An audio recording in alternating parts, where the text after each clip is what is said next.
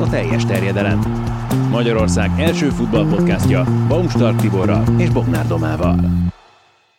Na, az utóbbi hetekben úgy kezdtük a műsorokat általában, kérdeztünk valami olyat, amire a kedves nézők is tudnak válaszolni. Most is így kezdünk, de most tőletek kérdezek, kvízkérdést, ugye a régi teljes terjedelem hallgatók emlékezhetnek arra, hogy mindig volt az adás elején ilyen, és majd menet közben eláruljuk, hogy mi a pontos megfejtés.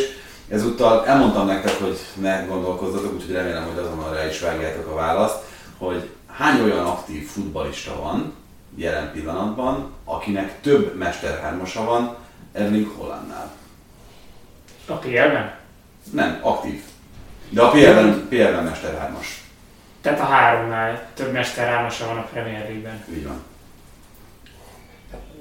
Az igazság, az hozzátartozik, hogy már amennyire elmondtad a kérdést három perccel ezelőtt, szegeztem. Annyi nem elég? És még most sem volt tiszta a domának a kérdés, tehát akkor nekem sem volt. Vagyok neked is nulla. Szerintem nincsen olyan ember, aki Mester hármas nagyon-nagyon keves. Aguero már nem játszik. Hát ott nem van Ronaldo azért. Ronaldo, én pont ezt, mint hogyha láttam volna a Twitter, hogy Ronaldo csak három darab Mester hármas van Premier League-ben. Ő inkább BL kieséses szakaszban szokott Hát gyors választ nem sikerült kapnom. akkor, akkor legyen egy. Egy. Oké, okay, a kedves nézőktől, a hallgatóktól pedig azt kérdezem, hogy szeretnétek-e quiz kérdéseket, mert akkor szerintem minden adásra tudunk készülni, és hát persze lehet tippelni, adás közben el fogjuk árulni, hogy mi a helyes megfejtés, de akkor kezdjünk. És ezen a héten Szekeres Adriánnal, a Spiller TV szakértőjével, most már így kell bemutassalak, az első téma az szerintem eléggé testhez álló neked, sajnálatos módon. Itt ugye elsősorban a sérülésekről fogunk beszélni. Kijött egy tanulmány, ami szerint az előző szezonban volt az öt topligában a legtöbb sérült. És mielőtt belemennénk abba, hogy itt a kluboknál milyen számok voltak, mint edző, mint volt játékos, mint egy olyan ember, aki ismeri nagyjából klubok felépítését, kicsit álkérdés lesz, de nem az lenne a fontosabb egy klubnak, hogy minél inkább erre fektesse a hangsúlyt, és erre kölcsön többet a sérülés megelőzésre és a rehabilitációra, mint arra, hogy bővebb keretekkel még több játékost fizessen? Én azt gondolom, hogy, és most itt a Premier League klubokról beszélünk, bár valóban talán oda van a legkevesebb rálátásom, nyilván azért is, mert Magyarországon futballoztam. Szerintem ez a Premier League kluboknál, ez bőven ki van maxolva. Tehát mind a, azok a tárgyi feltételek, ami ahhoz kell, hogy egy játékost felmérjenek, mint pedig azok a szakemberek, akik ezeket a prevenciós munkálatokat végzik, mert most azért ne felejtsük el, hogy más, aki a prevenciós munkát végzi játékosokon bizonyos stádiumokban, tehát most gondolok csak arról, hogy gyógytornász, erőléti edző, vagy külön rehabilitációs szakember, vagy prevenciós szakember, ami mondjuk egy is ugyanaz, illetve aki ezeket a gépeket kezeli, azok pedig a fizioterapeuták. Tehát szerintem ez megvan. Itt, itt én másban látom, vagy más dolgokban látom a, a, a sérüléseknek az okát. Jó, de mielőtt ezen tovább mennénk, szerintem azt fontos leszögezni, hogy megcáfolt téged ez a statisztika, mert amióta Pep Guardiola az edző a Manchester City-nél, és lehet, hogy ez nem az edzőhöz kötődik, aztán majd mindjárt ezt megpróbáljuk megfejteni, azóta minden más angol top csapatnál 30 van kevesebb sérültje a Manchester City-nek. Tehát, hogyha te azt mondtad általánosságban, hogy ezt kimaxolják a Premier League kluboknál, akkor mégsem sikerül annyira jól, mert ha az előző szezon nézzük, a Chelsea-nél 97 sérült játékos volt, míg ez a szám például a Manchester City-nél kevesebb, mint 60 könnyű nekik, meg Katarba tudnak menni, ahol meg a legfejlettebb ugye orvoslás van jelen pillanatban, a sportorvoslás. Igen, itt, itt amiatt én azt mondom, hogy én, én azt gondolom, hogy ki van maxolva, és amiatt meg megtörténnek ezek a sérülések, ezek az olyan dolgok, ami, amikre nincs rálátás egy fizioterapeuták, nincs rálátás egy erőléti edzőre, ha mondjuk a játékos esetleg el akar titkolni, hogyha mondjuk neki van is olyan jellegű fáradtsága, vagy akár csak egy előző esti kialvatlanság, és nem feltétlenül kell egyből arra gondolni, hogy ő most végigbuliszta az éjszakát, és ezek tudatában Európában nincsenek azok a szakemberek, akik meghozhatnák a döntést, mert nyilván egy olyan világot élünk, akár bármelyik európai országban ez mondható, vagy futballistára, vagy talán bármelyik sportolóra, aki nem akar kimaradni a csapatból. És ennek tudható az be, hogy még hogyha ezek fel vannak készülve, mint a szakemberek, mint a gépek, nem tudnak mindent kiszűrni. Legalábbis én ezt ennek tudom be, meg ez pont az a tapasztalat, amit mondtál is, hogy játékos koromból hozhatom, vagy akár most látom edzőként is. Nem tudom, hogy ebben mennyire van igazad, nyilván te látsz rá, de hogy az egy dolog, hogy a játékos el akarja titkolni, de pont az Atletiken volt nemrég egy cikk arról, hogy azért a közelmúltban, itt 2000-es évek elejéről beszélünk, a fiziósok is azt mondták, a játék, azt közvetítették a játékosnak egy meccsen, vagy nem tudom, hogy ki az, aki pontosan oda megy, legyen az csapatoros meccs közben egy sérülésnél, vagy sérülés gyanúnál, de arra visszották őket, hogy figyelj, azt mondta az edző itt most az előbb a fülembe, hogy nagyon gyorsan menjél vissza a pályára, akármi bajod van. Mert nélküled nem megyünk tovább. Igen, ez azért előfordul eset, de szerintem azért nem minden edző így gondolkodik, vagy a többség nem így gondolkodik. Itt csak azt tudom mondani, amikor a szövetségnél dolgoztam, a Magyar Labdarúgó Szövetségnél, ott, ott volt egy protokoll az ilyen eseteknél, hogy amikor berohant a vezető fizioterapeuta, illetve a csapatorvos a, a játékoshoz, akkor nyilván más és más sérülésektől függően, azt a protokollt végigmentek. Ha ott megfelelt a játékos azoknak a kézmozdulatoknak mondjuk így, vagy mondjuk egy felsérülésnél azoknak a teszteknek, hogy néhány kérdést föltettek, vagy az úgy szoktuk ilyenkor látni az orvosnak, hogy mozgatja, tehát ha azokra jól reagál a játékos, vagy a lábsérülésnél ezekre a... Igen, megnézzük, akkor láthatjuk, ahogy a térkalácsot mozgatják. mozgatják mondjuk, vagy a keresztszalag, feltételezett keresztszalag sérüléseknél megvannak azok a nem tudom, szakkifejezések, rángatások, csavarják, mozdulatok, csavarások, hogyha azokon átmegy, akkor, akkor folytathatja. Szóval cívások. És, és, nyilván ezekre Premier meccsen is lehet látni ott a kis füles a, a, a, a kollégáknak, az orvosoknak a fülébe, és ezen tudnak tájékoztatást adni. Hát nyilván, nyilván láttunk olyat is, most is láttunk a, a Manchesteri derby, hogy két játékos is visszament még ezek után a tesztek után, és, és mind a kettő pár perc cserét kért. Tehát ezek, ezek, ezek tehát nyilván a játékos hozza a döntést. Vannak olyan, olyan esetek, amikor egyből az orvos mondja, hogy nem mehetsz vissza, ez többnyire a felsérüléseknél van. Nekem is volt korábban ilyen sérülésem, ami amikor észre vettem, de lecseréltek, holott én még vissza akartam menni, és felsérülés volt de, de nyilván ezek a statisztikák, amikről most beszélünk, meg a tavalyi adatok, vagy az ideig, azok, azok nem feltétlenül a mérkőzéseken történtek, hanem ott nyilván itt ezeket a, a, a válogatott játékosok, a nagy utazások, és, és nem csak a mérkőzésen történt sérülések, itt nem, nem, nem utolsó sorban, ami volt itt a Nemzetek Ligája, vagy egyéb más látott mérkőzések, hogy ami számomra is szokatlan volt, és furcsa, hogy a játékosok az edzéseken sérülnek meg. Erre is van egy gondolatmenetem, ami, ami ezt, ezt mondhatja, hogy az amiatt van esetleg. Na mi az a gondolat? Ez pedig az, hogy uh, ezek a... a, a, a Figyeld a tévés, hagyta, hogy rákérdezni. Igen. A, Magadtól nem mondod el? Van egy gondolat. Hogy most a tornázod fel a gázsidat. Ezért pénzt lehet kapni? Az egyszerű remediás terlasszóval hangzott. Talán a második, harmadik részben. Um, a játékosoknak szerintem az adott kluboknak van egy protokoll, amit ti is mondtatok, ez a prevenció. És hogyha ebből visszamennek a saját klubjukba, vagy a bocsánat, a nemzeti csapatukhoz, nem biztos, hogy olyan fejlettséggel vannak, vagy nem biztos, hogy az adott szövetségi edző vagy a stáb az preferálja, és szerintem az, hogy kiesnek ebből, és itt nem kell nagy dolgokra gondolni, nyilván futballista értelemben nagy dolgok ezek, hogy akár csak egy egy hengerezés, vagy egy gumiszalaggal végzett bemelegítés, ami, ami 10-15 perces protokoll, de hogyha mondjuk az a, a 365 napján a játékos nagy részében ezt csinálja az évnek, és utána kiszakad ebből a közegből, és nyilván előtte utazik rengeteget, nyilván felfogozott állapotban van, teljesen más ingerek kérik a szervezetét, és ezek azok a nüanszok, amit hogyha ez a megszokott dolog, ez, ez nincs meg, akkor én azt gondolom, hogy ebből jöhetnek ezek a sérülések. Mielőtt tovább megyünk, csak arra kérlek benneteket, hogy tippeljetek, ugye ha most megnézzük, hogy hogyan alakul ez a mostani szezon, 9 mérkőzése van a Premier League kluboknak, csak október hónapban, ami egészen elképesztő, hiszen 42 nap alatt, hogyha az előző hétvégi szombattól számolunk, 13 mérkőzés játszik az összes olyan angol klub, amelyik európai kupában érdekelt, mert a bajnoki szereplések mellett Liga kupa találkozója is lesz ezeknek a csapatoknak a virágbajnokságig. Megdől ez az előző szezonban mért rekord itt a sérüléseket illetően, mert én akikkel beszéltem, egészségügyi szakemberek és a sportban dolgoznak, ők arra készülnek, hogy abszolút sajnos így kell berendezkedni, hogy az eddigi csúcsok azok sajnos átvesznek az almúltnak.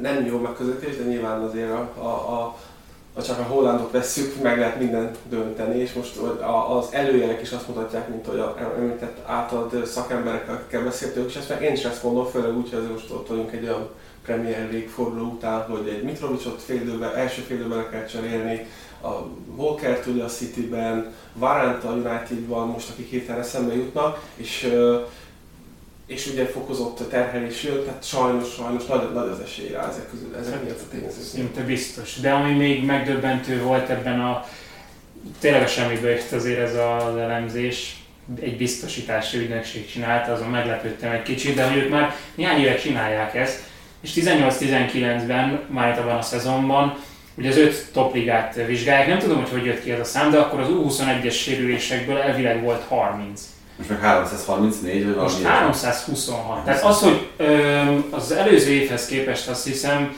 20%-ot mondtak az összes sérülésnek a, a megnövekedett számára. De ez az U21-es sérülések száma, a 30-ből a 326, az több mint meg tízszereződött. És azért ez nem lehet csak a, csak a több játékperccel indokolni, a ligönben mennyivel több időt kapnak a fiatalok, meg a Bundesligában, meg a Meg az Premier Arsenalban, igen. És még egy gondolat ehhez, ami, amit ugye feszegettünk, hogy az általában a válogatott és a, a, a klubhoz való visszatérés kapcsán vannak. Szerintem ezen nagyon lehet javítani, hogyha ha a két vagy a nemzetnek és a klubcsapatnak a szakemberei elkezdenek kommunikálni egymással. Ez megint csak egy olyan protokoll volt a szövetség, amikor ott dolgoztam, akár a A-válogatottnál is rálátás volt, illetve a korosztás váltottaknál is egy úgynevezett ilyen vízumot kell küldeni, amit a szövetség küld el a, a meghívott játékosnak, és a klubból, klubjának ki kell tölteni, ez, ez egy két áll, hogy az elmúlt egy hónap, vagy akár két hét még rövidebb időszakban is, vagy még távolabb időszakban, bocsánat, két hónapban, milyen sérülései voltak az adott játékosnak, azt, hogy kezelték, mivel kezelték, és nyilván ez egy olyan információ, amit szakemberek, nem pedig a játékos ad a fiziósnak. Hogy ez most Magyarországon mennyire működött jól az akadémiák és a szövetség között, abban abba nem feltétlenül mennék bele, de szerintem ez top szinten még inkább ennek működnie kell, de nem szeretnék különbséget tenni a top színben. Működnie kell, lehet ez top szín, de amikor legyen az egy Manchester City játékos, és legyen az a hatodosztályú bármelyik csapatnak a játékosa, ugyanúgy, hogyha elmegy három különböző orvoshoz azzal, hogy porcleválása van, három különböző dolgot fog javasolni, hogy hogyan műtse meg, vagy hogyan nem műtse meg, nem? Ebben van igazság, igen. Szerintem a top szinteken ott azért, ott azért, azért nem így működik. Nyilván, nyilván amit mondasz, hogy alacsonyabb osztályban valószínűleg nincs is csapatorvosa az adott csapatnak. Most teljesen nyilván azért külföldön azt mondom, hogy van Magyarországon ez azért kevésbé van jellemző, főleg az alacsonyabb osztályban ugyanúgy a, a baleseti sebészet, és ahogy mondják, oda kell bemenni egy játékosnak, tehát Magyarországon ez, ez igen nagy probléma az alacsonyabb osztálykluboknál, de még akár a másodosztályban is, az első osztályban azért ez már rendezettebb. Na nézzük akkor szerintem konkrétumokat a hétvégéről. Nem, mint hogy ezeknek konkrétumok lettek volna, amiket itt a sérülésekkel kapcsolatban mondtunk, de a közelebbi eseményekhez közelítsünk mi is. Észak-Londoni derbi, kettő nagyon fontos városi rangadót rendeztek a hétvégén a Premier League-ben. Az Arsenal legyőzte a Tottenhamet, amelynek véget ért a 13 mérkőzésből álló veretlenségi sorozata. És hogyha én az első dolgot kell, hogy kiemeljem ebből a mérkőzésből, amellett, hogy az Arsenal teljesen megérdemelten nyert, akkor az az, hogy én nem sokszor láttam ilyet Antonio Conte-nál, akármilyen állásnál is, főleg két gólos hátránynál, hogy gyakorlatilag feladja a mérkőzést 20 perccel a vége előtt. Mert itt a cserékkel, a testbeszédével, meg, meg mindennel, mint sugalmazta volna, hogy innentől kezdve akkor készülünk a bajnokok ligájára. Igen, gondolok itt arra, hogy a het, vagy arra gondolsz, gondolom, hogy a 71. percben ugye egy, egy négyes csere volt, és még ugye rá egy, egy, egy 3-4-5 percre ugye skip is beállt, és hát nyilván, uh, nyilván fölírtam, hogy Langley, Perisic, Hörberg, Son és Richarlison volt az, akik lejöttek. Uh, Hát itt ez a lényeg, Son és Richarlison lejött, úgyhogy nem érkezett senki a helyükre pótlásnak. és, és, és nyilván ne felejtsük, hogy talán a 66. perctől voltak ember hátrányban, tehát és akkor még talán 2-1 volt az Arsenal. Igen, és akkor két perc múlva jött a Két perc. Ahogy megkapták a harmadik gólt, onnantól kezdve, mint hogy tényleg az lett volna az ember érzése, tényleg elég volt ránézni Contéra, szerintem, hogy ezt megállapítsuk, hogy hát itt ez kész, elengedte. Igen. Megint csak is tapasztalat nekem is volt az elmúlt időszakban egy darab olyan mérkőzés, nem ebben a szezonban, hanem még az előzőben, amikor, amikor teljesen tehetetlenek éreztem magam a, a, a kispadon, és hogy, és hogy azt érzem, hogy itt, itt úgyse fogunk gólt lőni, ki is kaptunk azon a mérkőzésen, semmi nem működött azon. Hát Conte hasonló futballt hozott erre a mérkőzésre, mint amit az elmúlt időszakban meg, megszokhattunk tőlük, és még ugye a Britanniában ezt is pedzegettük pénteken, hogy, hogy pontrugásokból fog esetleg eldőlni a mérkőzés, vagy én akkor azt jósoltam, hogy Szerintem a Tatem akkor fogja azt a meccset behúzni, hogy áttétel valami túl gondolja a mérkőzést, amit nem tett meg. Ugyanazok az erősségekhez nyúlt, ami, ami ez az elmúlt meccsen. Kellettek neki azok, az, az is, hogy azok a játékosok, az ő kulcsjátékosai ugyancsak átlag fölött futballozzanak, és bezáltal nyerhette meg, jobban bele is mehetünk, nyilván készültem abból, hogy mik voltak azok a, azok a fő...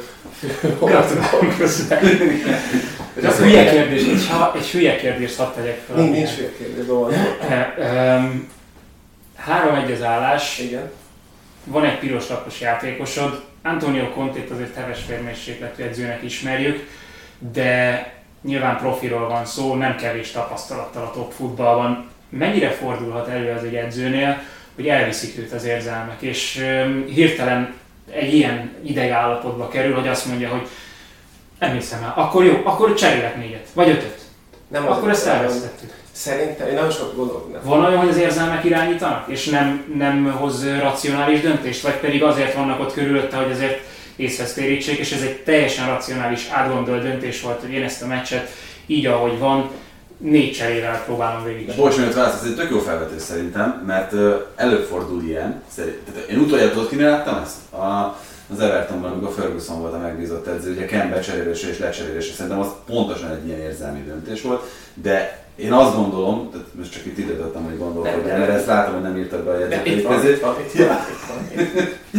Tehát, hogy itt szerintem a legmagasabb szinteken, Klopp, Conte, Guardiola szintjén ott nem nagyon fordulhat ez elő. Hogy a, az érzelmek viszik el, és emiatt... Inkább abban szokott ez megnyilvánulni, vagy abban nem szokott megnyilvánulni, mert azért eh, látunk ilyet amatőr szinten, hogy azt mondod, hogy csinál valaki egy hibát, elkövet valaki egy hibát, és akkor csere.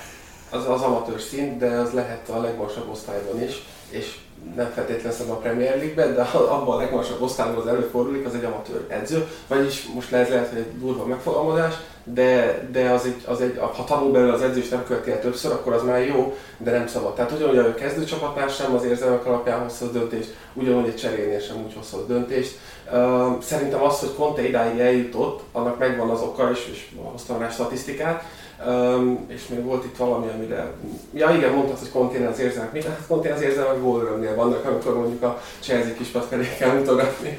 Úgyhogy nem, tehát biztos, hogy nem. Vagy egy készfogásnál. Én szerint, vagy egy készfogásnál, igen.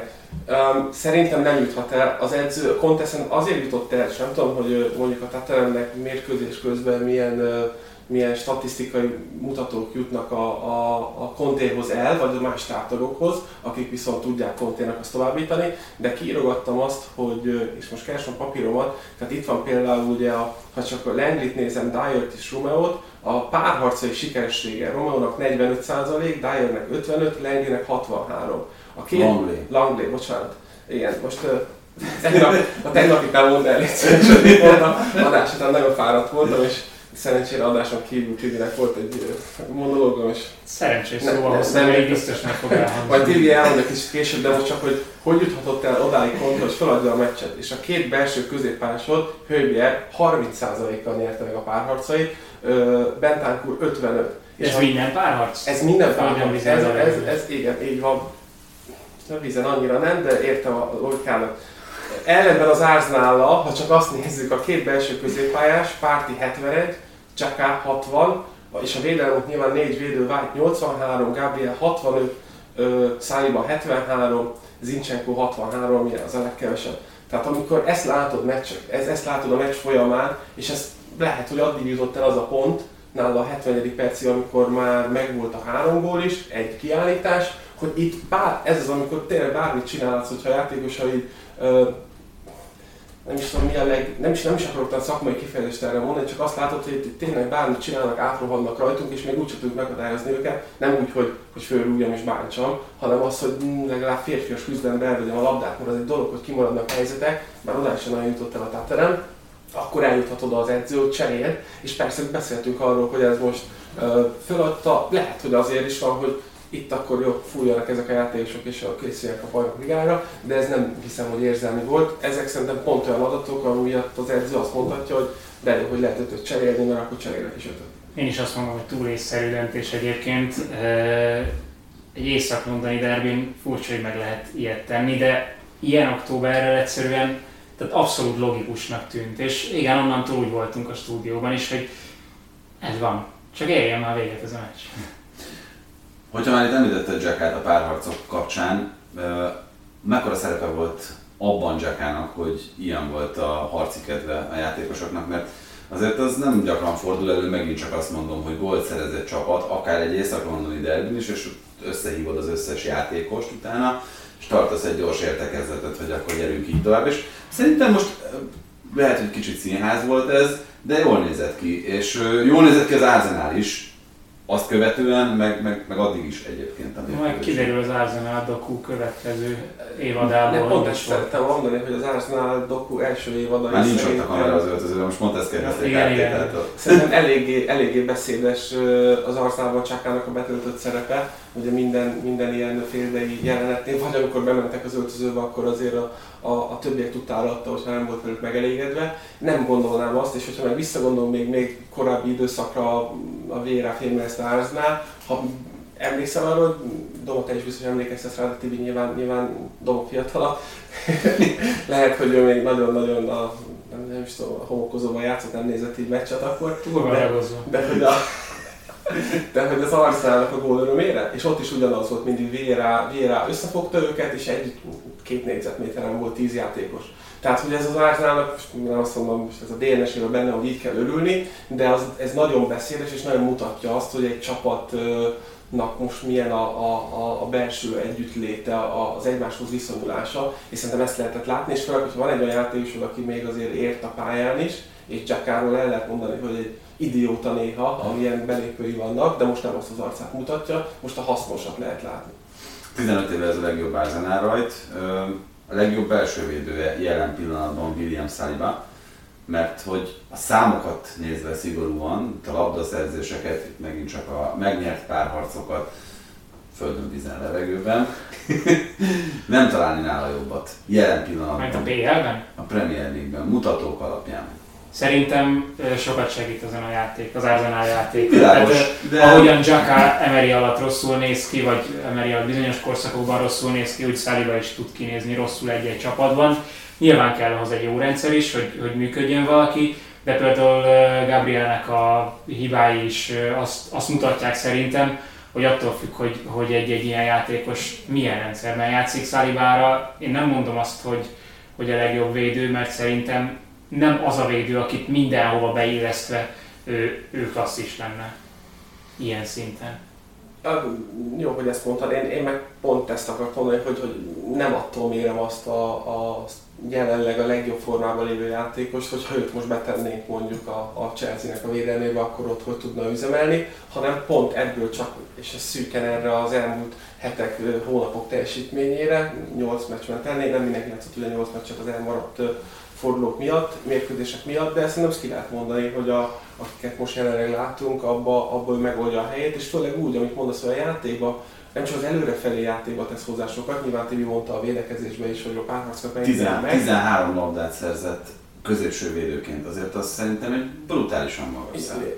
Ezt mondom, hogy egy Tatanem ellen egy ilyen árzenában ez a középhátvédnek gyakorlatilag a dolga, meg ez volt a feladat. De ez közé, hogy játszottak nem csak a Tatanem ellen, és most a Tatanemnek sem volt sok helyzete, de mondjuk amikor játszottak talán Bormus ellen, nyertek 3 0 ott amikor csodálatos gólt is szerzett, akkor nem sok dolga volt a mérkőzésen, de azt megoldotta. Tehát akkor a kapusoknál szoktam ezt mondani, hogy amikor 30 percenként jön fel egy lövés, azt kell megfogni. És egy belső védek, aki főleg magasan föl van a csapat, félpályánál, vagy egy előre rugott labda, na ott viszont meg látványosan lefutnak, és volt kapsz róla. Uh-huh. Tehát neki ezt a mondjuk úgy kisebb csapatok elleni hármat, négyet kell jól megoldani.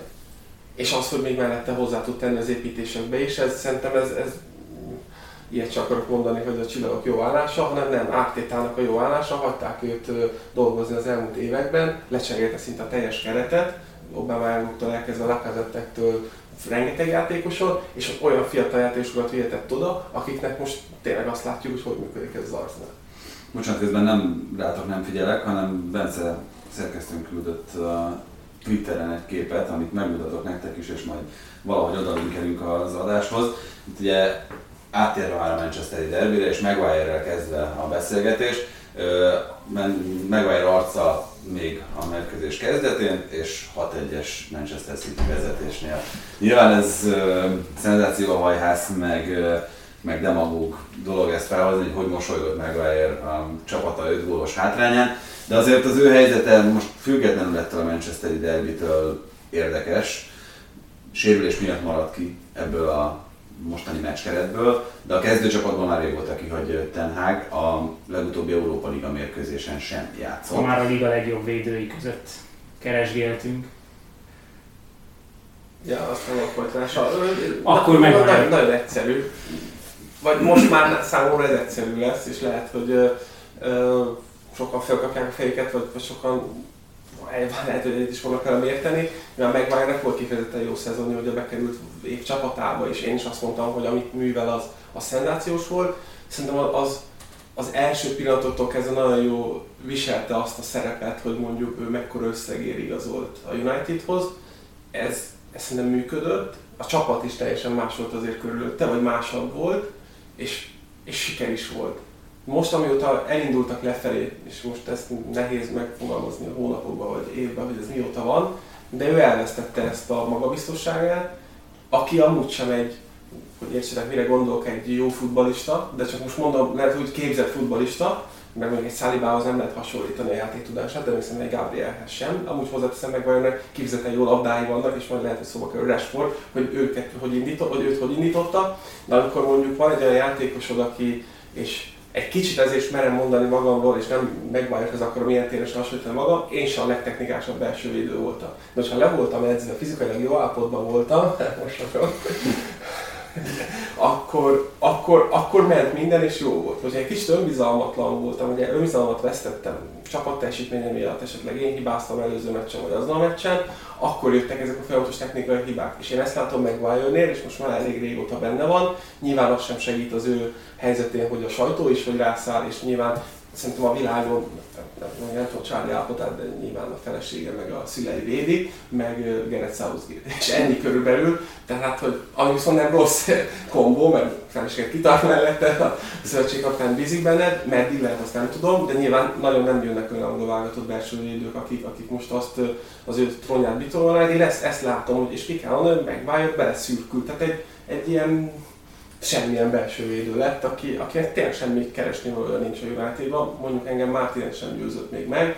Várán attól többet vártam, amikor ideigazolt, és most lehet, hogy furcsán fogjátok ezt sem mondom, Lindelöfnek nem volt szerintem ennyi látványos hibája, amit mondjuk megváljon. Hát viszont ez a Varán Lisandro Martinez páros az úgy tűnt, hogy összeállt egészen a Manchester City elleni mérkőzésig. Ugye Varán sérülése is hozzájárult azért talán ahhoz a az összeomláshoz, de annak volt szerepe egyébként az összeomlásban szerintetek, hogy őt le kellett cserélni, mert azért előtte is én nekem... Mennyi? 3 0 nál vagy 4 Hát igen, volt meg, együtt, meg, meg ott, ott, már ott is lehetett volna nagyobb a különbség, Adrián együtt néztük ezt a mérkőzést, és azt állapítottuk meg, hogy tényleg itt, itt, itt nagy csapat kis csapattal játszik. De azért nem, nem a védelmében, de hogy ugye volt a Foden az első, és uh, talán a második volt a, a fejes, uh, amit, amit ugye írtál is a mai adásmenetre, hogy, hogy Eriksen fogja Hollandot a gólnál. Na akkor a gólnál már nem volt pályán a, a Várán, szögletnél, talán az volt a második vagy a harmadik lehetett? Lehet, hogy a második, tehát ott egyen kevesebben voltak, és az azért fontos megemlíteni, mert azt is kiírtam, hogy ugye Malasia van a kapufánál, Lisandro Martin az első ember, meg volt a kifejlő, a Lisandro Martin. Az első, igen, az első szabad kifejlő, mögötte McTominay, és hogyha lett volna Várán, akkor ő van ott, és Dalo, de nem volt ugye Varane és Dalo, és Bruno Fernandes volt az utolsó ember. És ugye volt Rashford és Eriksen, akik, akik ez a úgynevezett blokkoló emberek, nekik ez a szerepkörük ilyenkor, és ugye itt lett volna még Bruno Fernandes is aki, akinek ezt meg kell oldani. Nyilván nem volt várán, vissza kell tolódnia, vagy csúsznia, de az sokat elmond azért, hogy, és Tenhágra is majd átérünk, hogy nyilván amikor egy csapatot fölállítasz, akkor számba kell azt is venni, hogy a kontrollásokat hogy oldod meg. Még akkor is, hogyha egy City az ellenfél, aki, aki nyilván tudjuk, hogy rengeteg kontrollás volt szerez, de nem feltétlenül csak abból, hogy a direkt beívelésekből. És, és még annyit, egy, szerintem azért számíthat Várán kiesése, mert ott volt egy olyan gól, amit talán De Bruyne mögé juttatott be a hosszú oldalra, és ott már lehetett látni, hogy húzza a lábát, mert az is a sérülésnél volt. Lehet, hogyha nem nincs ez a boka ugye pont, az, pont Foden volt, aki előtte a lámát, tehát nem, nem volt semmi durva dolog, csak Hát egy blokk, vetett egy lövését. Nálam hasonló sérülésem volt, én azt arra következtettem vissza, hogy nem volt, nem volt eléggé megfeszítve a lábam, lazán tettem oda és elvitte a labda. Tehát ilyen téren várán nem volt fejbe, de visszatérve arra, igen, ennek a Manchesternek most nincs vezér alapja. Amit most mondhatunk az Arsenalban, hogy van, most már egy Jack kinőtte magát, a belső védők stabilak, ebben a Unitedban nincsen, és ilyen téren szétesett ez a csapat, mint ahogy már ebben a szezonban is esett szét. Tehát igyekeztem szerintem ezt megválaszolni ezt a válasz kérdést. Szerintem az összefügg, nyilván látszott, hogy a góloknál nem volt, gólnál nem volt pályán, volt, amikor pályán volt, akkor is nem volt egészséges. Nem, nem is értem, hogy még Varán jelenléte ebben hozzátesz, hogy hogy nem kezdett Casemiro egy ilyen meccsen. Tehát pont ezen a, itt Eriksenre és Holland párosára visszatérve, de nem csak a pontrugás, hiszen a pontrugás a legkisebb gondja volt itt. Nem, az, most nem az volt se vezető, hogy azért volt egy nagyon jó periódus, tehát lett szeptember legjobb edzője, Rashford a legjobb játékos a Premier League-ben.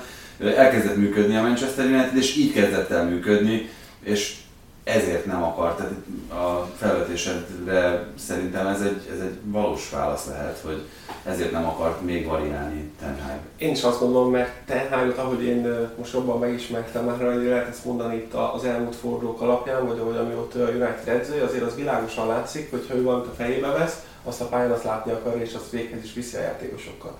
Ha ez most azt kell, hogy Ronaldo a padon ül, akkor Ronaldo a padon ül, amit Tibi mond, hogy hát ez a nem feltétlenül veretes belső középpálya McTominay és Eriksennel, de ha őkkel velük nyert a csapat, akkor ezt meghagyom, és ők játszanak, megoldják, mert megvan az, hogy, hogy mi az előnye, hogy ők játszanak, és nem feltétlenül a védekezésnél, de viszont működött, akkor nem fog belenyúlni. Hát ahogyan látszott egyébként a Liverpool meg az Arsenal elleni meccseken, hogy mi az előnye annak, hogy, hogy ők együtt vannak a pályán. Ha már Teág, és akkor ezzel szerintem itt a United témáját nagyjából le is zárhatjuk. Mennyire higgyük el még mindig azt a mérkőzés utáni nyilatkozatot neki, amelyben azt mondja, hogy Ronaldot az ilyen nagy meccsekre teremtették, de ne felejtsük el, hogy az előszezont azt nem csinálta végig a csapattal, tehát nincs olyan erőállapotban, hogy most segíteni tudjon a csapatnak. Valóban ez a probléma? Jó, nem kezd Ronaldo egy ilyen meccsen, mert volt egy de valószínűleg az, hogyha nem 4 0 a félidő, akkor majd behozza Jó, de a, a, teljesen fit ronaldo és akkor itt most meg Igen. kicsit csak kötözködni De volt egy ilyen idézet, amit nagyon sokat írogattak, hogy nem, nem akarta Ronaldo múltjához és pályafutáshoz nem lett volna méltó becserélni, vagy valami ilyesmi idézet volt még. És meg volt, hogy Ronaldo mit mondott erre? Na. Én most ahogy jöttem Győrből Pestre a kocsival egy nagyon kedves ismerőssel beszélgettem, és ő, ő, ő mondta ezt pont, és Ronaldo azt mondta, oké, okay, köszönöm, de játszani akarok. És az ismerősöm mondta, hogy, hogy az, nincs úgy benne a futballban, futballozott, de nem futballozott Magyarországon magas szinten, és hogy és az nem lehet, hogy a fél időben oda megy Ronaldo, és megmondja, hogy figyelj, tudod menni az eredménybe, akarsz állni? És én mondtam neki, hogy de, szerintem ezt, ezt el lehet képzelni, bizonyos játékosoknál. Most nyilván nem képzel meg bárkit, de egy Ronaldo meg lehet. És mondja, hogy szerintem Ronaldo nem azt mondta, hogy be akar állni de mondom, azért nem képzelem azt, hogy ez, ez megtörtént, mert mondom, itt erre, hogyha most Ronaldo nem jön ki belőle jó. Most 4 0 beáll, és láthattuk a Brentford ellen pályán volt ott, és lett egy négyes, semmi, semmit nem tud hozzátenni.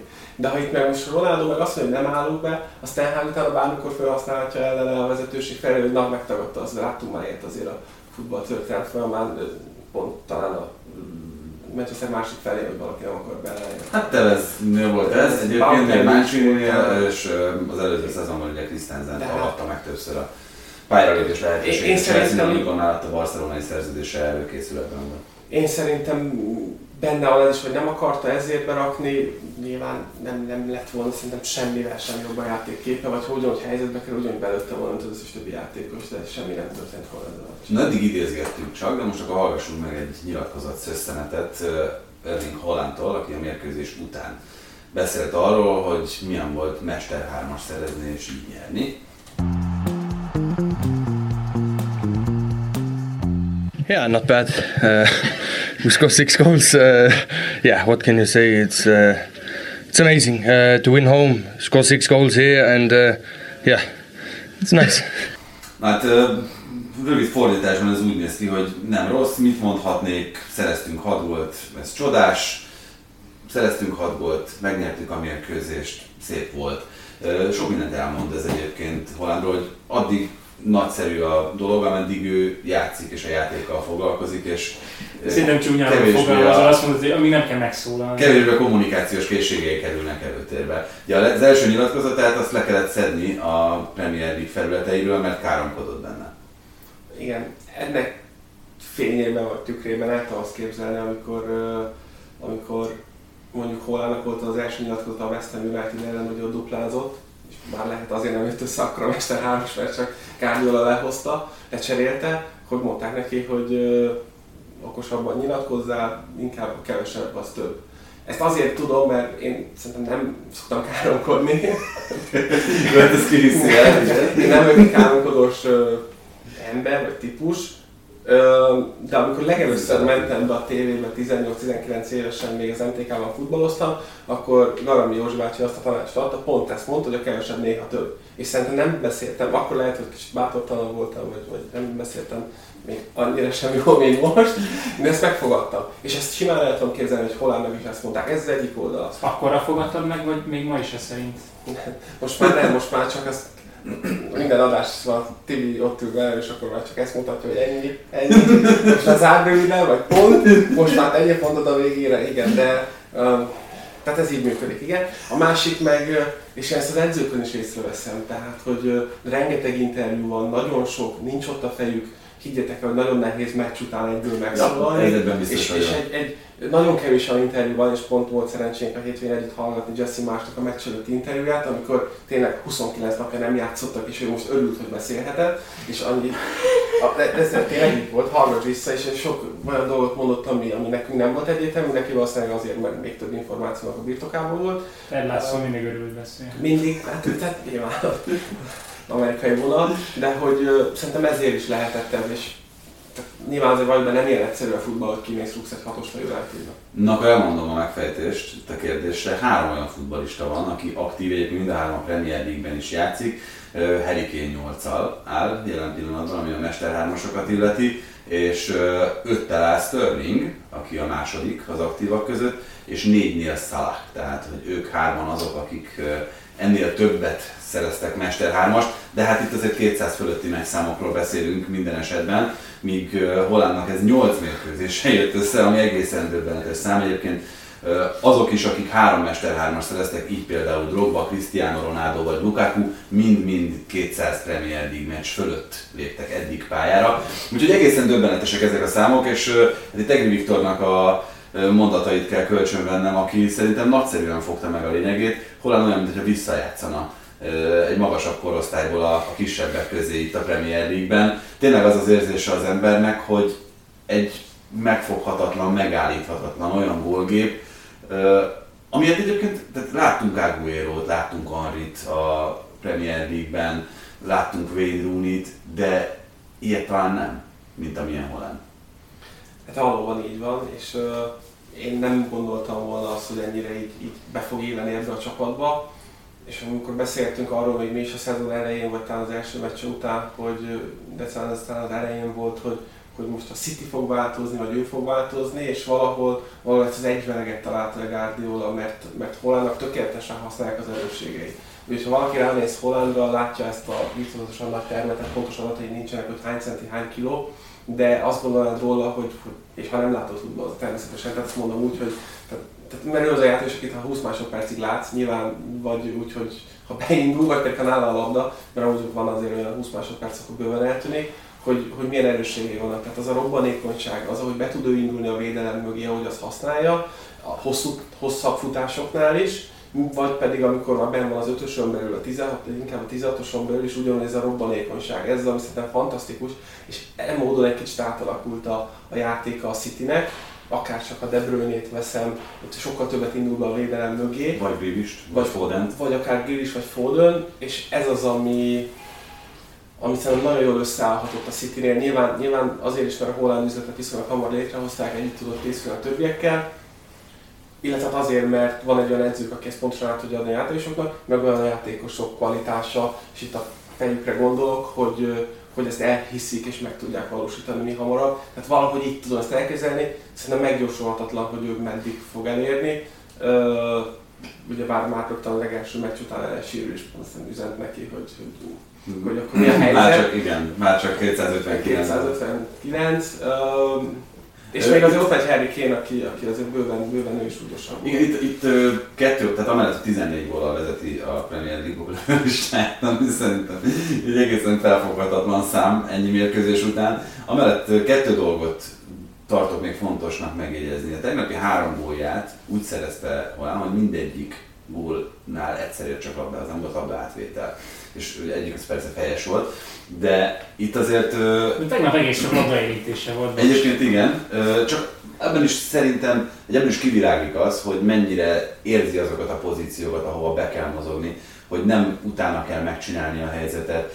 Egyébként... Ezt akartam mondani, ez is csak megérzés, mert én nem voltam focista, de ugye ezt szokták mondani, hogy van, aki megcsinálgatja ezeket a dolgokat, Holland pedig a legegyszerűbbet csinálja tökéletesen. Így van. Így van. És, és, és még egy nagyon fontos dolog, az eddigi 8 fordulóban ki tudjátok találni, hogy hányszor volt lesen? Holland. Úgyhogy ő a legelő játszó ember a Manchester City-ből kétségtelenül. Ő kettő alkalommal. Kettő alkalommal, ami pedig szerintem azt mutatja, hogy hát egyrészt ösztönösen, másrészt tanultan mennyire pontosan tudja, hogy hol kell helyezkednie az akciók indulásakor, a, a befejezésekor. Ez egy döbbenetesen alacsony szám szerintem a, a góljai számához, meg a pozíciójához mértem. Abszolút szerintem tudnék mondani, vagy most nem, de számot igen, hogy hány belső védő lehet, aki mondjuk egy fölmaradt szöglet után lesen maradt, vagy egy pontrugás után. Nyilván ez is az, és az, amit Doma mond, hogy, hogy ahova ösztönösen berobban, azokban a területekre, csak ott az a gól, amiről már beszéltünk, hogy De Bruyne, hogy bekanyarította oda, és tényleg, de ha nem tud kijönni a félig sérült, Varán még nem tud odaérni, de lehet, hogy az egészséges sem ért volna oda, és pedig Holland oda tud. Tehát itt jönnek ki az, hogy nem feltétlenül miatta, Lewandowski miatt nézegettem Bayern München adatokat, még amikor ott játszott, és, és úgy rápillantottam. Holland miatt hiába nézni. Nem, de ez még... Értem. Ez, ez, ezek olyan adatok voltak, hogy Lewandowski a Bayern München góljának hány százalékát lőtt. Yeah. És ott volt Holland is mellette, és, és nyilván Holland nem hozott olyan számokat, de volt, volt például Havertz, volt olyan szezon, amikor több százalékot hozott az összgólokból a klubjában, mint mondjuk Lewandowski, jó pár játékos is volt,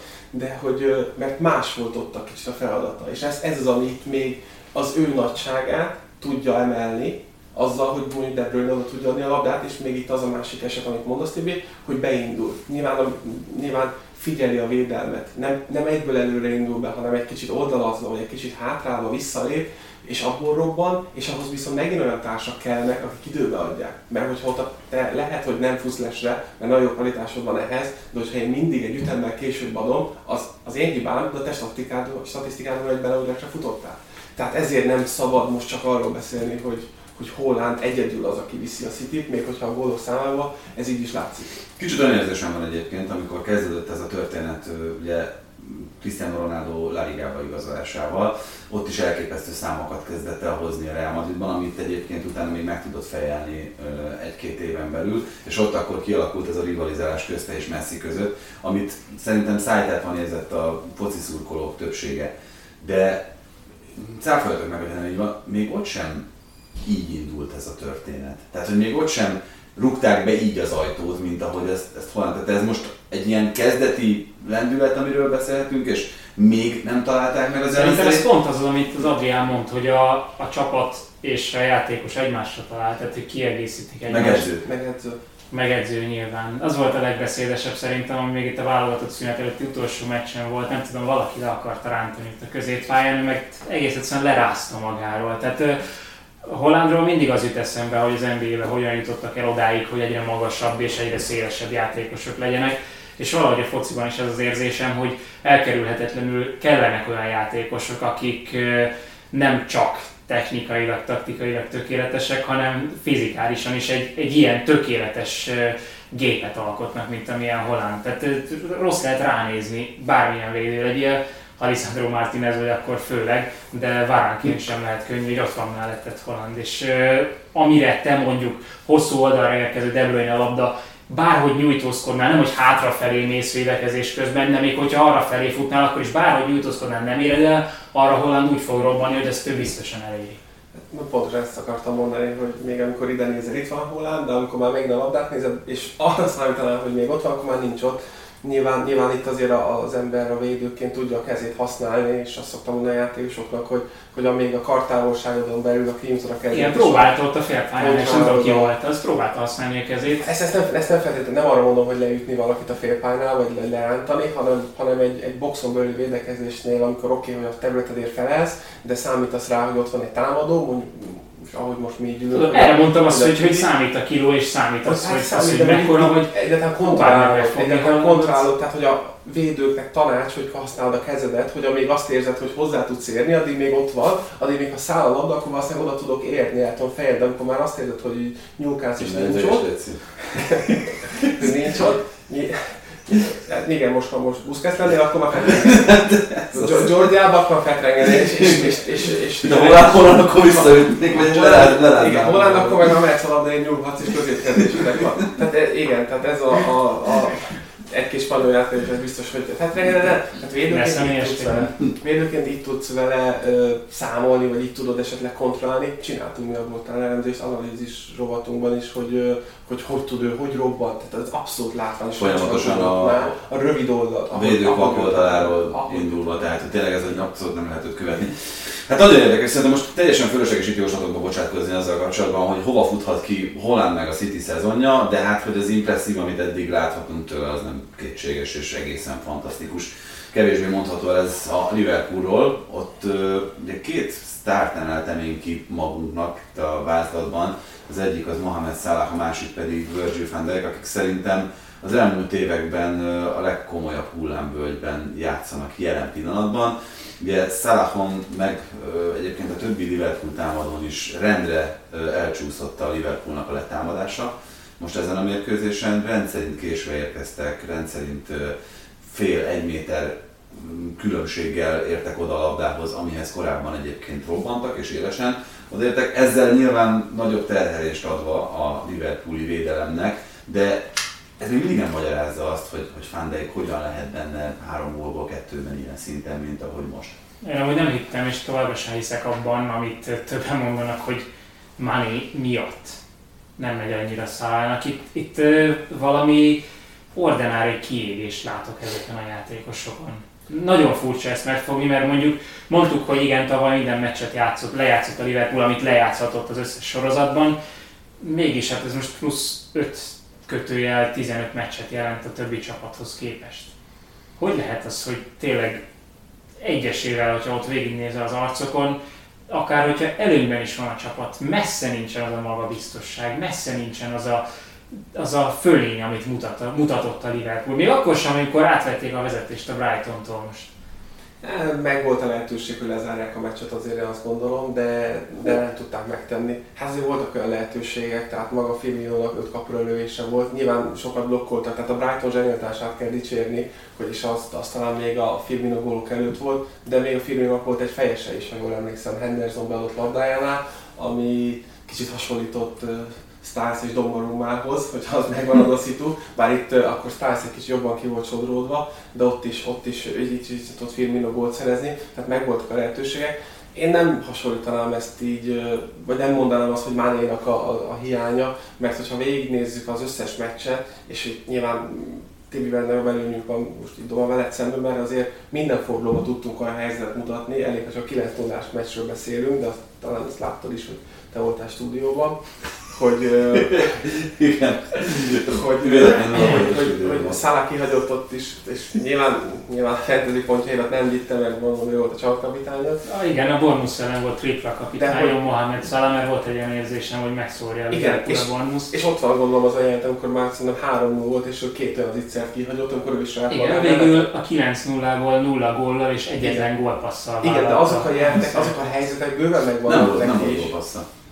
Nem volt gól. Nem volt gól Három pontot hozott azon a meccsen fantasyben. Igen, nem volt gól. Még valaki viccelődött itt a stábon belül is, nem? Hogy a, a pályamunkás több pontot De tehát én nála nem érzem azt, hogy, hogy tehát nem, hogy bocsánat, nála nem azt a Mané hiányt érzem, hogy akkor mondjuk már tényleg üres kapura és kihagyja. Én a 9 0 után vártam azt a Liverpool, hogy na igen, volt az a néhány rossz meccs, ami pontokban is megmutatkozott, neki pontokban, nem a fantasyben, és de a 90 után sem volt az az átfordulás, ami jöhetett volna. És még sőt tetézte az a Napoli elleni vereség a BL-be, ami, ami viszont meg teljesen demoralizáló volt. Jó, hol vagyok én attól, hogy bármilyen módon megkérdőjelezem Jürgen Kloppot szakmailag, de az, szerintem nem nézett ki jól, hogy a mérkőzés végén ugye négy csatára próbált támadni a Liverpool, és valahogy sikerült mindenkit olyan pozícióba mozgatni, ahol nem igazán érezte jól magát. Zsota, illetve Darwin Nunez láthatóan nem nagyon tudták, hogy ott középen akkor kinek hova kell mozogni. Kicsit az volt az érzés, de lehet, hogy ez, ez csak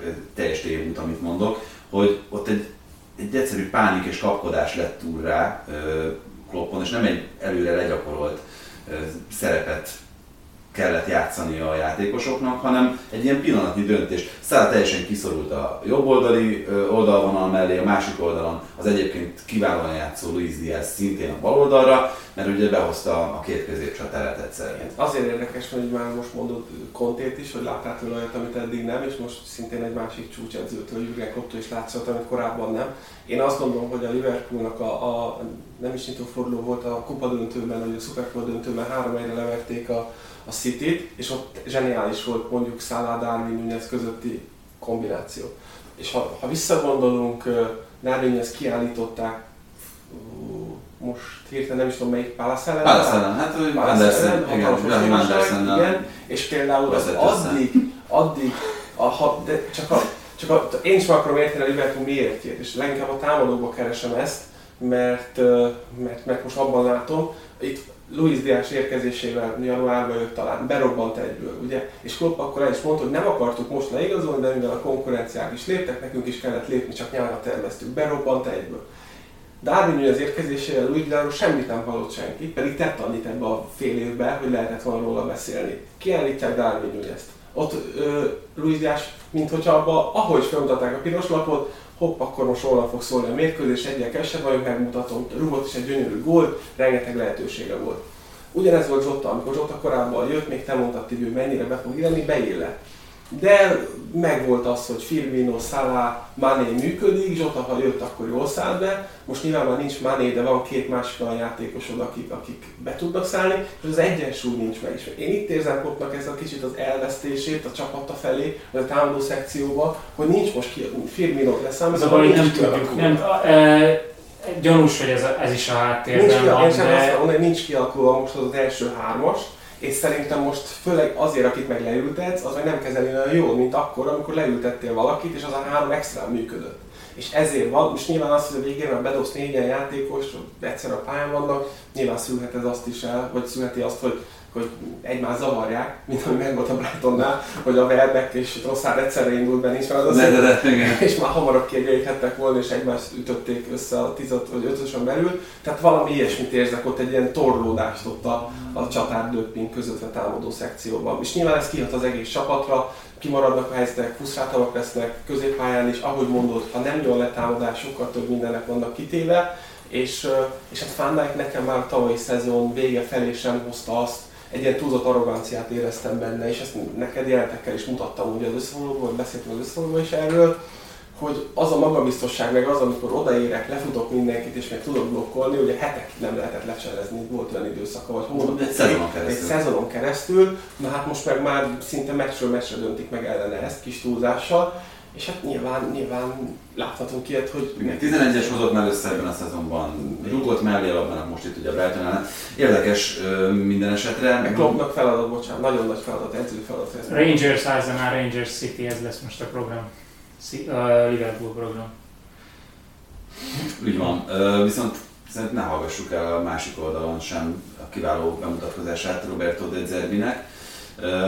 Főleg az első fél órában működött egészen fantasztikusan a Brighton. Egyébként egy nagyszerű mérkőzést hozott ez, 3-3 lett.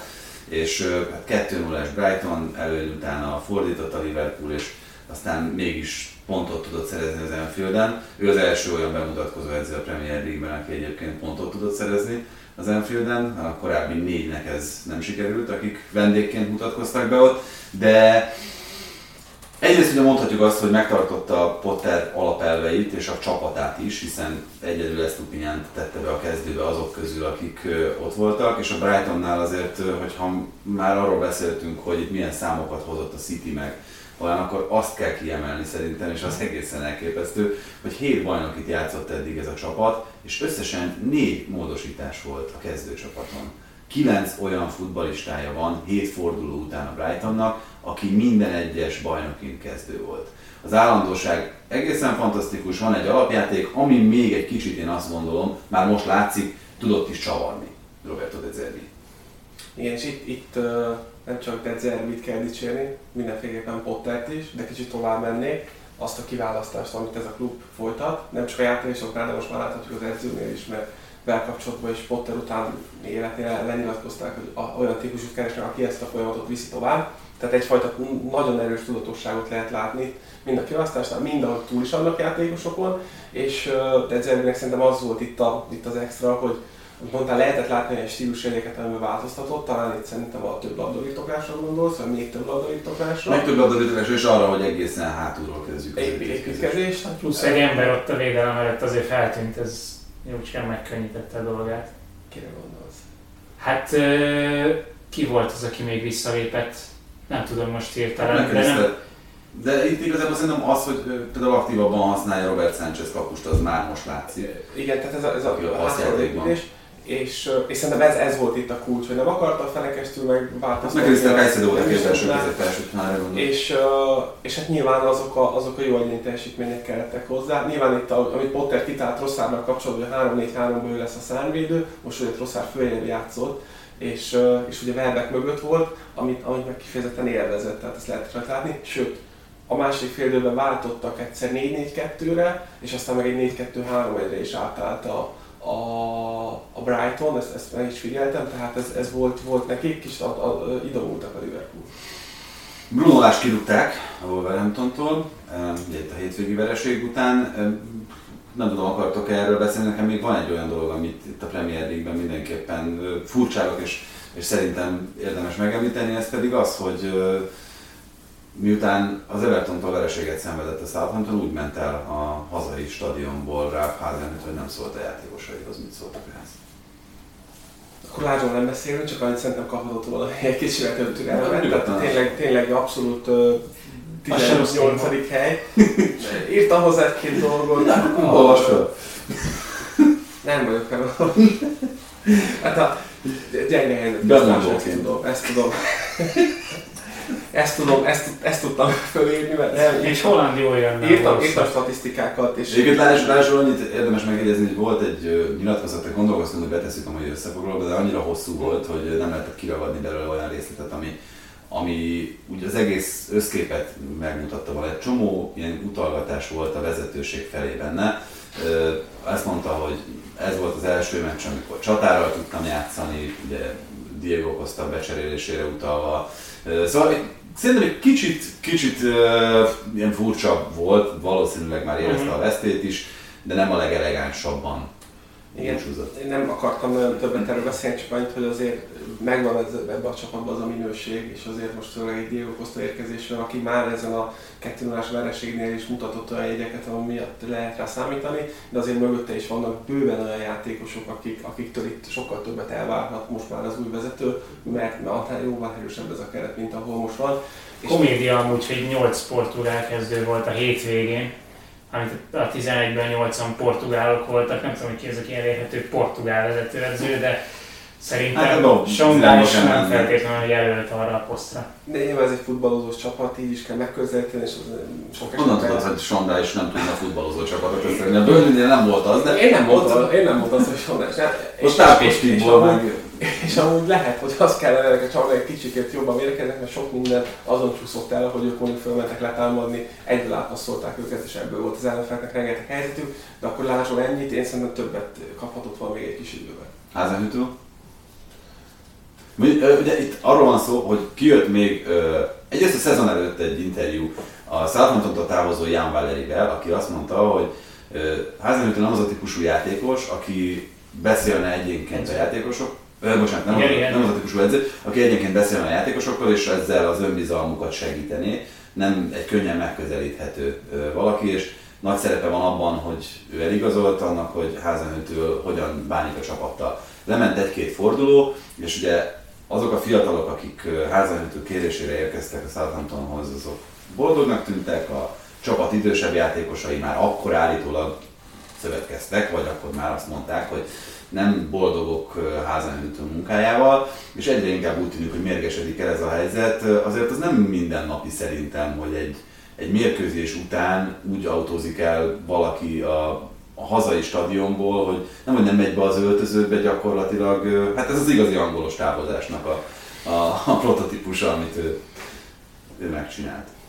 Most visszakerülnék oda, hogy a nem is kérdés, vagy ez a kijelentésed volt, és a szöveg első részében, hogyha a játékosok szövetkeztek ellene, tehát akkor valószínűleg attól a pillanattól az ő percei vagy órái meg voltak számlálva, vagy meg vannak számlálva, és ez most már tényleg csak... Még nem fogják kirúgni, tehát most megerősítették. Tehát ez egy, az a másik, hát ha megerősítenek, akkor, akkor, akkor újra a visszaszámolás megkezdődik, és a kilövési engedély meg van adva, vagy már keresik a háttérben a megfelelő edzőt, vagy a számukra megfelelő edzőt, tehát tényleg, tehát nincs miért onnantól kezdve nem szakmáról beszélni egy csapattal kapcsolatban, ami amúgy nem rossz projekt, amit a Southampton véghez visz, mert tényleg kifejezetten játékosok, tehát most egy 2004-es bal hátvéd volt, aki a, ugye ők vezettek a Szoton vezet egy 0 és labdát szerzett, megindult, kipasszolta a szélére, tovább szaladt, nem ő kapta, úgy lett belőle gól, tehát hogy ö, olyan fiatal tehetségek adnak ö, lehetőséget, a kapuban ugye 2002-es születésű,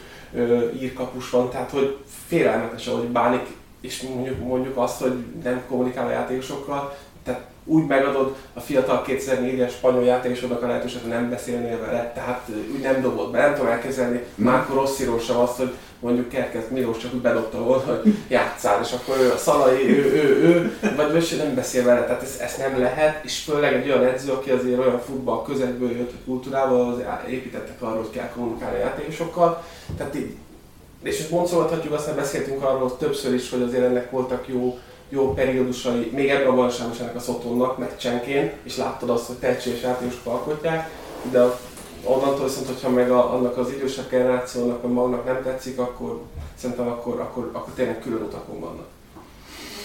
Na jó, várjunk És bocsánat, és hogyha az edzőként nem, nem köszönsz el a játékosoktól, akkor az már nagyon beszédes.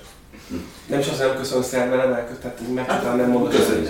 Ez egy az, is, az is mondjuk egy ilyen alapszociális. Hát szerintem, igen, egy civilizációs minimum az, hogy elköszönsz szerintem kollégáktól játékosok. Ez fociban nem Hát lehet, ez egy olyan taktika. De a focisták olyan bunkók, hogy nem tudnak köszönni, meg viszont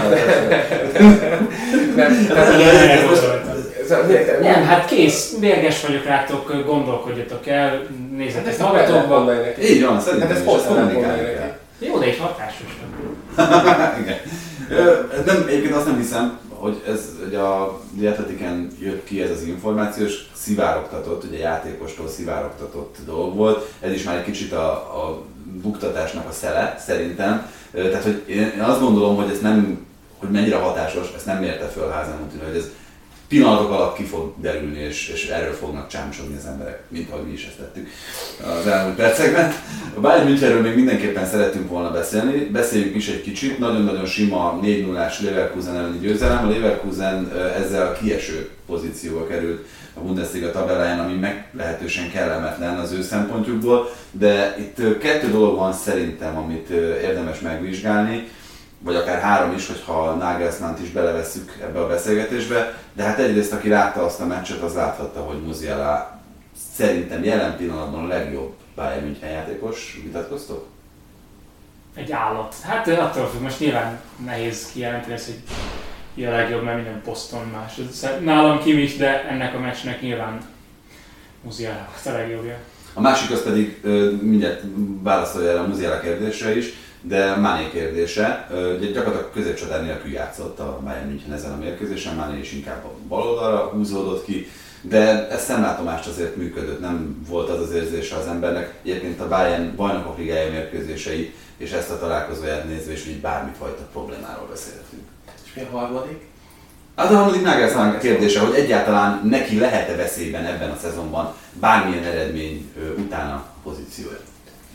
Hát Nagelsmannnak ez a kérdés lehet veszélyben, akkor röviden nem, Kicsit, Hogy hossz, kicsit, kicsit, hogy Igen? kicsit hosszabban azt mondom, azt mondom, hogy nem. kicsit hosszabban azt mondanám, hogy beszéljünk róla, nagyon hosszabban nincs értelme. Tehát, hogy a Nagelsmann esetét megvizsgáljuk, és ezért írogattam ki, hogy tavaly Lewandowski a gólok 36%-át lőtte, Nabri meg a 14, tehát két játékos volt, aki a gólok felét szállította, most ezt pótolni kell valahogy. Tehát egy, egy bármilyen, Nagelsmann bizonyította, hogy tehetséges edző, meg azt is, hogy jó edző. Tehát ezt most bármilyen edző ülne ott a padon, és elmegy egy ilyen játékosod, akinek ekkora szerepe van az öltözőben is, meg a pályán is, ott persze, hogy böcögés lehet. És azt is kírogattam csak a Bayern Münchennek a meccseit, amik voltak, visszatérve erre uh, Muziálára, meg hogy uh, Mané hol játszik, és mind a négy támadó gólt lőtt, négy nulla nyertetek. Jó, Müller gólja olyan volt, amilyen, de hát be kellett rúgni, meg el kellett venni. Raleckinek nem az első ilyen Tehát, hogy, és hogyha most vizsgálom azt, hogy kettő pontra vannak így is az első helytől, tehát és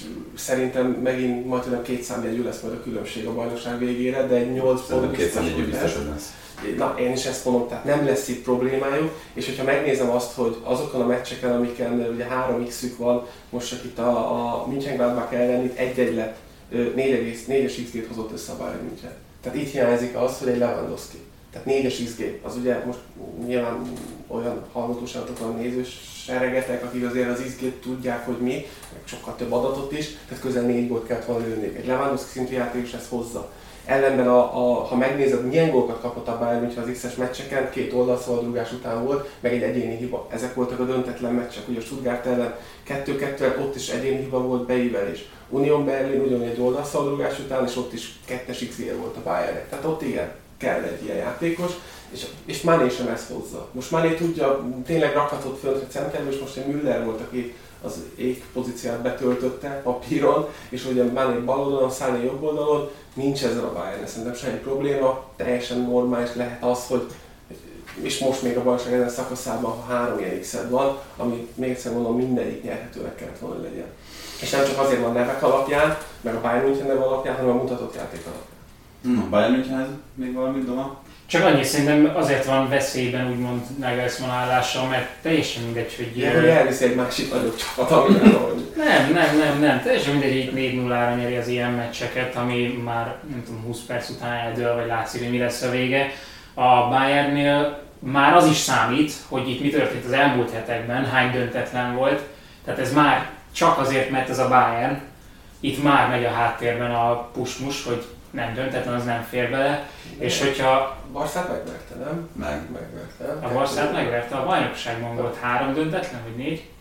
Három, három Nem. döntetlen, három. Nem. Kettő-kettő, meg két-egy-egy talán egy, ezek voltak ilyen. De én azt mondom, hogy ha csak ezekre a statisztikai mutatókra ránézünk, hogy hány kapról is Nem, a meccsen, de ez, nem. ezt mondom, hogy ö, a Bayernnél nem ezt nézik, és ilyen szempontból mondhatja az bárki, Salihamidzic is, hogy hosszan, hosszú, hosszú távon gondolkodnak, hogyha nem jön az eredmény, hogyha a BL-nek a nyolcad döntőbe bárki kitalálja, hogy mi a ö, szer ez ellen, mert látjuk, hogy van a Bayern ellen ö, ellenszer, akkor onnantól kezdve viszontlátás Értem, csak amire ott vagyunk, hogy BL 8 döntő, addigra már lehet, hogy az általad mondott fontos bajnokságon már több mint 10 ponttal vezet, és addigra az, Az, sok az is teljesen mindegy lesz.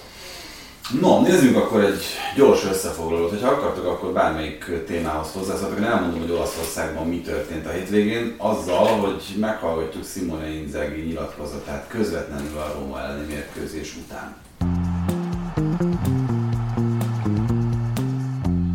Assolutamente sì, Mm, sicuramente delle prime otto partite di campionato questa è la migliore come intensità, Ugye ez lefordítva annyit jelent, hogy kétség kívül az eddigi 8 bajnokiban most nyújtottuk a legjobb teljesítményt, ezt mondta Inzaghi a Róma elleni vereség után, volt egy kapufája, egy elvett gólja az Internek, valóban nem játszott rosszul, és azt sem lehet mondani, hogy a Róma mindenképpen megérdemelte ezt a 2-1-es sikert, viszont arról beszélhetünk, hogy 8 bajnokiból 4-et elveszített az Inter, ami nagyon-nagyon kevés, és ugyan megerősítette Márottá és Csang elnök is a pozíciójában Simone Inzaghi, viszont hát nem tudom, hogy persze ennek, ennek mennyi hitelt kell adni, meg mennyit kell erről beszélni, de Olaszországban például a Twitteren az Inzaghi out az a legnépszerűbb. Megerősítették, de a Twitteren. Az a legnépszerűbb hashtag. Volt, hát hogy nyilván valamilyen szinten a közakaratot azért mutatja és jelzi, hogy, hogy Inzaghi ellen fordultak azért most már a, a szurkolók, miközben egyébként ugye Brozovicsot sérülten kapta vissza a válogatottól, tehát azért elég sok problémával küzd. Még tovább tart a hírek szerint Lukaku felépülése, mm, oda kell figyelni a bajnokok ligájára is, egy brutálisan nehéz csoportban szerepel az Inter, szóval nem áll igazán jól az Inter szénája. Aztán meglátjuk, hogy, hogy ebből hogyan lehet jól kijönni. Itt azért azt lehet hallani, hogy a kínai vezetés azt szeretné, hogyha Inzagival ugyan, de még a világbajnokság kezdete előtt komoly fordulat állna be itt a csapat teljesítményében. Új szezon lesz a VB után, és szerintem ez itt is döntő. Meglátjuk. A Róma nyert, Mourinho nélkül, aki egy buszból nézte végig az összecsapást. Érdemes felkutatni az ezzel, kész, ezzel kapcsolatos videókat, amik róla készültek, egy elkeseredett interszurkolót is megvigasztalt. Azért nagyon szépen és ügyesen működteti ezt a színházat Mourinho, amit, aminek ő az igazgatója jelen pillanatban. Ja, a Milánról még mindenképpen érdemes Nem csak az igazgatója, hanem az összes színésze, sőt a függönyhúzogató ember is, meg a zenekar. Igen, hogyha minden, minden úgy akarja, akkor a Chelsea-Milán mérkőzést azt a helyszínről fogom látni, és a Milán, ha ez is igaz, akkor 14 felnőtt mezőnyjátékossal tud elutazni Londonba, ami borzasztó. Nem csináltak egy extrát, a repülőn nem vesztek fel hazafelé? Valamit lehet, hogy összehozunk. Valamit lehet, hogy összehozunk. Ugye Calabria Kier és Salemaker sérült meg most az Empoli ellen, amit a hosszabbításban tudott megnyerni a Milán. És még egy apróság, amit Adriának itt nagyon-nagyon tetszett, hogy bemutatkozott az első női játékvezető a CDA-ban. Ferriere Caputi a Sassuolo Salernitán egy 4 0 meccset egyébként nagyon szépen és simán hozott Igen, 5 0 meccs. 5 0 meccs, tehát egy, egy büntetőt ítélt, kettő sárgalappal hozta a meccset. Én nem néztem még így mérkőzés összefoglalót meg, mert bevallom nem néztem meg a mérkőzés összefoglalót hogy a játékvezetőt figyeltem. és, és, nem, és, nem, azért, és nem, nem, nem azért, mert, mert különösen, közelében nem mutattak róla, amiket néztem, nem azért, hanem mert a mai témából, hogy tudjak valami értelmeset szólni. Egyszer-kétszer azt éreztem, hogy nincs ott a, nincs ott a helyzet közösségében, ahol szerintem egy játékvezetőnek kellett volna lenni, és akkor ilyen elég sok sprintet levágott, hogy odaérjen. Hát ezt adjuk, ezt az Ezt, ezt figyeltem, de, de viszont én így van, az összes többire, amit mondtam, hogy hozzászóltunk, én itt az Inzaghi Twitter, Inzaghi out kifejezésnél a napokban hallgattam egy podcastet, egy, egy politikai podcast volt, egy politikai szakértő volt, és akkor ő mondta ezt így a Twitterre, meg a, a különböző közösségi média hozzászólásokról, hogy volt egy beteg, akit nyilván egy mémezés, vagy egy beteget beraktak a mentőkocsiba, és akkor kérdezte a beteg maga azt hogy hova visznek kórházba. Nem, a hozzászólás írókhoz, mert ugye ők tudják a legjobb, hogy magát mi a baja. Tehát, hogy, és ezt eddig én nem hallottam, de ez nem találok. Nyilván én semmi, ezeket abszolút nem szoktam olvasni, ki is szeretnék ezekben maradni, de az internet voltak azért ezen a mérkőzésen problémái, főleg két kapott volna, szerintem gyerekgólokat kaptak. Középen nem lehet így keresztbe berúgni egy labdát, elveszíteni, illetve a szabadrúgást, hogyha ha visszanézők, kedves hallgatók, nézők, hogy ilyen magasan, vagy ha ilyen mélyen nem lehet hagyni a védelmi vonalat egy szabadrúgásnál. Tehát azt mondta, hogy a Smalling érkezett. Ha megnézed, vagy megnézitek, akkor, akkor a védelmi a 16-oson áll, a rúgás pillanatában benne van két méterrel, és az ötösről fejel ha a védelem fönn van 22-23 méter, és ugyanúgy jön az ívelés, Handanovics kijön. Így a kapus is fölméri, hogy elindulja, összefutok a szemben lévőkkel. Tehát ezek nem férnek bele. Um, a Milánnak meg hát nyilván edzőként az pokolja néz feladat, hogyha ennyire kevés felnőtt futballistád van. Nem azt jelenti, hogy a fiatalabbak kevésbé lennének jobb képességek, de még nem tarthatnak ott, meg nincs olyan mérkőzés a lábukba, hát, mint ami vár Meg itt azért kulcsjátékosokról is szó van, Teo Hernández, Menyan esetében, és akkor még ugye Ibrahimovicsot nem is említettük ezek között a nevek között. Doma, mit tettél Magyarországon? Már is veszem a papírt. A Barcelona átvette a vezetést. 2020 után vezetik megint a Liga tabellát, amit ha belegondoltok, akkor hm. nem tegnap volt. Lewandowski se okoz csalódást Hollandhoz hasonlóan. Tehát azért a 7 meccs 9 gól az nem mutat rosszul, nyilván a Hollandról szól minden. Ki a jobb csatát most szerintetek? Érzése. Na hát most nem kell, hogy ez nem kell, hogy egy eldöntött vita legyen, csak hogy hát nálatok. Nem nagyon lehet kérdés szerintem. Nálam ezen a, Holland? Ebben a pillanatban, persze. Holland, így van. Jó. Már tényleg már az életkorából kiindulva is. Én Volt csak egy pillanat, amit látok. Nem, nem hát nem szerintem azért Lewandowski hosszabb ideje teljesít kiegyensúlyozottan, a korából fakadóan is, tehát hogy szerintem jogosan vetődött föl, de bocs. Én ezt még úgy közelítem meg, ezek tudod, hogy nem szeretek ezekre így válaszolni, hogy ha most lenne nekem egy csapatom, akkor melyiket raknám be oda. És, és most én azt mondom, hogy nekem oda holland kellene. Mhm. De amúgy hasonló játékosok. Mindegy, viszont ugye az, hogy átvette a vezetést a Barca, az már magában hordozta azt is, hogy a Real ugye, ugye nem nyert, most már nem százas, nem százszázalékos, és ez is elég volt már ahhoz, hogy azonos pontszámmal jobb gólkülönbséggel a Barca vezessen. Ami talán a legfontosabb történés volt itt, hogy Koke az 554. meccsét játszott az Atlétikóban, ami nagyon durva. Adelardot megelőzte, és most már ő a, ő a rekorder a pályára lépések számában. Azért ez főleg egy olyan Atlétikónál, amelyik ilyen, hát hogy mondjam, lokál patrióta, tehát aki ezeket az hagyományokat ápolja és valóban komolyan veszi, azért ott nem mindegy, hogy ki az, aki a klubrekorder a pályára lépéseknél, főleg úgy, hogy Adelardo nem 90-es évek vagy 2000-es évek, hanem ez a rekord ez 46 éve állt fent az Atlétikónál. Koke meg 6 éves kora óta ott van, és mindig csak 30 éves. Durva. Úgyhogy azért ez a szám ez még bőven növekedhet, és van is helye az Atlétikóban. Meg hát el akartam azt mondani, hogy mi történt Indonéziában, de lehet, hogy ez, ez valami külön vagy máskor téma, mert lehet, hogy besötétedett itt, de, de most nem annyira akarok erről beszélni. Hát minden esetre Meggondoltam magam. azt mindenképpen el kell mondani, hogy én amikor láttam ezeket a híreket, akkor az első gondolatom az volt, hogy az egészen szörnyű. Egyáltalán, hogy egy ilyen megtörténhet, ugye itt jelen pillanatban hány halálos áldozatról beszél? 125? 125 legalább. halálos áldozatról beszélni, 2022-ben ilyen megtörténhet még, és a legnagyobb sajnálatokat tudjuk kifejezni itt az áldozatok és az áldozatok hozzátartozói felé. Na de hát szerintem azért sok mindenről sikerült beszélni, talán volt amiről érdemben is. Adrián, nagyon szépen köszönjük, hogy eljöttél hozzánk. Nektek pedig a meghallgatás, megtekintést. Számítunk arra, hogy jövő héten is ezt megteszitek, iratkozzatok föl az összes lehetséges helyen a csatornánkra, ahol erre mód van, de akár a Spotify-on, akár az iTunes-on, és azt is megköszönjük, hogyha értékeltek minket, vagy hogyha hozzászóltak a műsorhoz. Például azt elmondjátok, hogy szerintetek van-e értelme kvízzel kezdeni az adásokat. Köszönjük! Sziasztok!